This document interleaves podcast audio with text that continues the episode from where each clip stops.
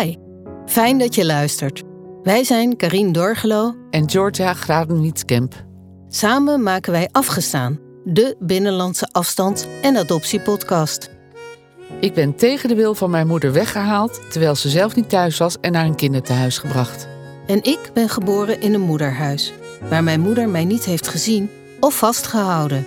In deze podcast willen we de verhalen laten horen van Nederlandse afstandskinderen en binnenlands geadopteerden. Misschien denk je, Nederlandse afstandskinderen? Alle geadopteerden komen toch uit landen ver weg?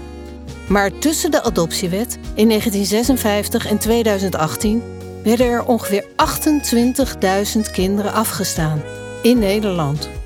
Al deze mensen zijn nu volwassen, hebben soms kinderen en kleinkinderen, maar kennen vaak hun eigen familiegeschiedenis niet. In de komende afleveringen kun je horen welk effect dat heeft op hun leven. Laat je meevoeren in die levens. Mijn naam is Carol van Kesteren. Ik ben geboren als Hermannes Leverink in Enschede. En uh, bij mijn adoptie verhuisd naar Brabant. Ik ben Diana. Ik ben geadopteerd. Mijn adoptie is mijn hele leven uh, voor mij bekend geweest. Heel normaal ook. Mijn naam is Ita van Dijk. Ik ben uh, direct na mijn geboorte afgestaan en vijf en een halve maand later geadopteerd. Dat vind ik dus een ontzettende zoektocht wie ik ben. Ik kan vertellen wat ik doe, wat ik leuk vind, voor zover ik dat weet. Maar um, wie ik ben hangt voor mij ontzettend samen met waar ik vandaan kom. En aangezien ik dat niet weet, is voor mij, zit er een grote witte vlek in wie ik ben. Ik ben in 1959 geboren. Maar ik heb eerst een uh, aantal weken in de couveuse gelegen, want ik was een zeven maands kindje. En uh, toen heb ik eigenlijk tot het eind, wat zal het zijn, eind januari 1960 heb ik in de couveuse gelegen. En toen ben ik een maand later, nee, een week later mocht ik opgehaald worden door mijn uh, adoptieouders. En die hebben mij toen in een bakkersmand naar Vught gebracht. Omdat ze werden zo kort van tevoren werden ze geïnformeerd dat ze mij op konden halen. En ze hadden geen wiegje en geen spullen allemaal nog. En reiswiegen en zo had je in die tijd nog niet zoveel. Dus. En mijn vader was bakker. En dus mijn moeder had met dekentjes en een matrasje dingetjes... had ze in de broodmand, die waren groot genoeg... had ze een bedje gemaakt en dan konden ze mij meenemen. Mijn eerste dia's zijn gemaakt in Moederijl. Um, kennismaking met mijn, met met mijn papa en mama, toekomstige papa en mama. En um, ja, ik denk, ik was denk ik rond de zeven, acht maanden. Ja, dat staat in mijn dossier, maar ja, daar is zoveel zwart geblakerd. Dus ik ben, denk een maand of zeven, acht, negen in moedereilen geweest. En, uh, en kennis, ja, kennismakingsfoto's, dat zijn ook mijn eerste babyfoto's. Ja, ik had wel steeds hetzelfde jurkje aan. Oké. Ik had niet zoveel kleren daar. Nee. nee. Mijn biologische mama zou verloofd zijn geweest met een meneer. En die meneer vertrok toen mijn biologische mama zwanger van mij, van mij bleek. En hij had zelf al zoveel kinderen. Dat was het verhaal. Ze hebben elkaar een aantal keren gezien. En, um, en daar stond dat hij Giuseppe heette. En ze dacht dat hij bij de Vries Robé werkte. Dat was een fabriek in Gorkum. Maar zeker wisten ze dat ook niet. En dat was eigenlijk zo'n beetje wat er stond. En ze hebben altijd in mei hele grote feesten, de zomerfeesten in Sint-Isidoorshoeve. Die zijn echt berucht, dat duurt vier dagen. En dan uh, staat er daarna ook bijna niemand meer overeind, geloof ik. maar dat is, moet, moet toen gebeurd zijn in die tijd. Want ik ben als zeven maands kindje dus begin november geboren. Dat zeven maanden later. Ik ben in Dordrecht in het ziekenhuis geboren en daarna ben ik in de schuilhoek terechtgekomen. Dat was een kinderthuis in Dordrecht.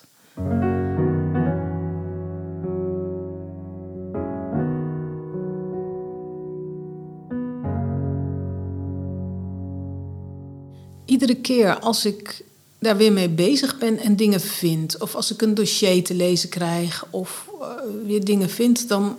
Of familie vindt, uh, want ook dat, wat, dat is wel wat verder weg, achternichten en zo, dan geeft dat weer iets meer ruimte in mijn hoofd.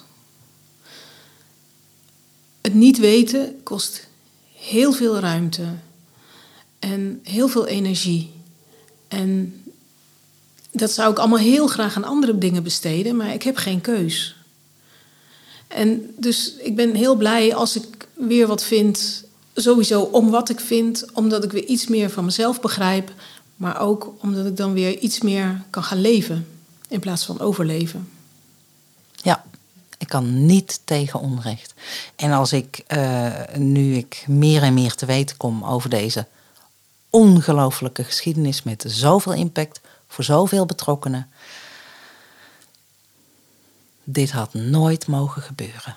En wat ik toen ook in het boek Schoot vol tranen las uh, in Moederheil, dat er een borrel werd gegeven omdat ze nog nooit zoveel babytjes hadden. Op dat moment, als op dat moment. Ja, dat bevestigt dan ook voor mij de babygroothandel.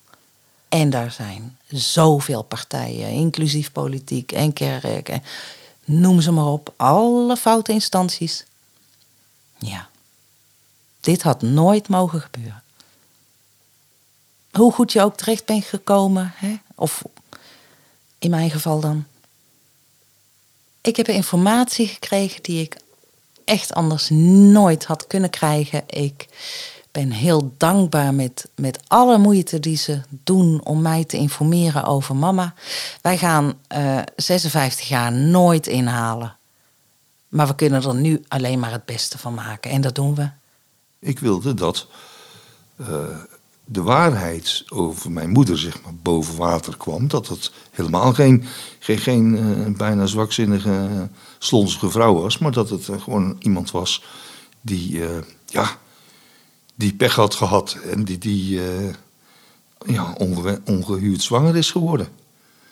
Er waren waarschijnlijk zat andere meisjes die dat ook had kunnen overkomen, maar die is dat door mazzel nooit gebeurd. Ja, mijn moeder heeft dan wel die pech gehad. Ja, ja ik vind dat toch wel belangrijk. Dat geeft een beetje erkenning ook aan al, al die kinderen die zijn afgestaan. En ook aan de moeders die gedwongen werden kinderen af te staan, want zo, zo zie ik dat toch wel. Uh, het gaat mij veel meer om erkenning.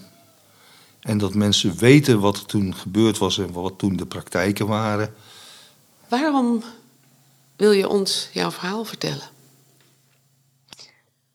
Omdat ik het heel belangrijk vind dat mensen die deze achtergrond niet hebben, en dat zijn er natuurlijk heel erg veel, begrijpen wat dit met je doet. En hoe dit ingrijpt in je leven. En dat en hoe het ingrijpt in relaties met anderen. En inderdaad, misschien ook wel in vriendschappen. En, um, en dat als ze er iets van voorbij zien komen op een journaal of waarin dat ze snappen waarom het zo belangrijk is voor afgestane kinderen om te weten waar ze vandaan komen en dat dat geen luxe ding is, dat dat niet iets is van, ach, weet je, uh, zand erover, het is geweest, het was in het verleden, maar dat dat iets is wat je, wat je je hele leven meeneemt. En ik snap best dat als je die achtergrond niet hebt, dat het moeilijk is om je dat voor te stellen, hoezeer dat ingrijpt. De podcast Afgestaan is gemaakt door Georgia Kranenwietskamp en Karin Dorglo. De editing werd gedaan door Constantin Johannes bij The Sound Republic. De muziek is Ruth uit 2021 van Duke Harrington te vinden op Epidemic Sound Open Spotify. Als je onder de indruk bent van deze podcast, wil je hem dan delen via je socials? En als je ons 5 sterren geeft, kunnen anderen ons beter vinden. In de show notes kun je meer informatie vinden over Stichting Verleden in Zicht voor Nederlandse afgestaanden en binnenlands geadopteerden en over de andere onderwerpen die in deze aflevering ter sprake kwamen. Wij maken deze podcast omdat we dit belangrijk vinden. Vind jij dat ook? En wil je ervoor zorgen dat we dit kunnen blijven doen? Dan kun je ons helpen met een kleine of grote donatie. Ga hiervoor naar de website verledeninzicht.nl. Dank je wel.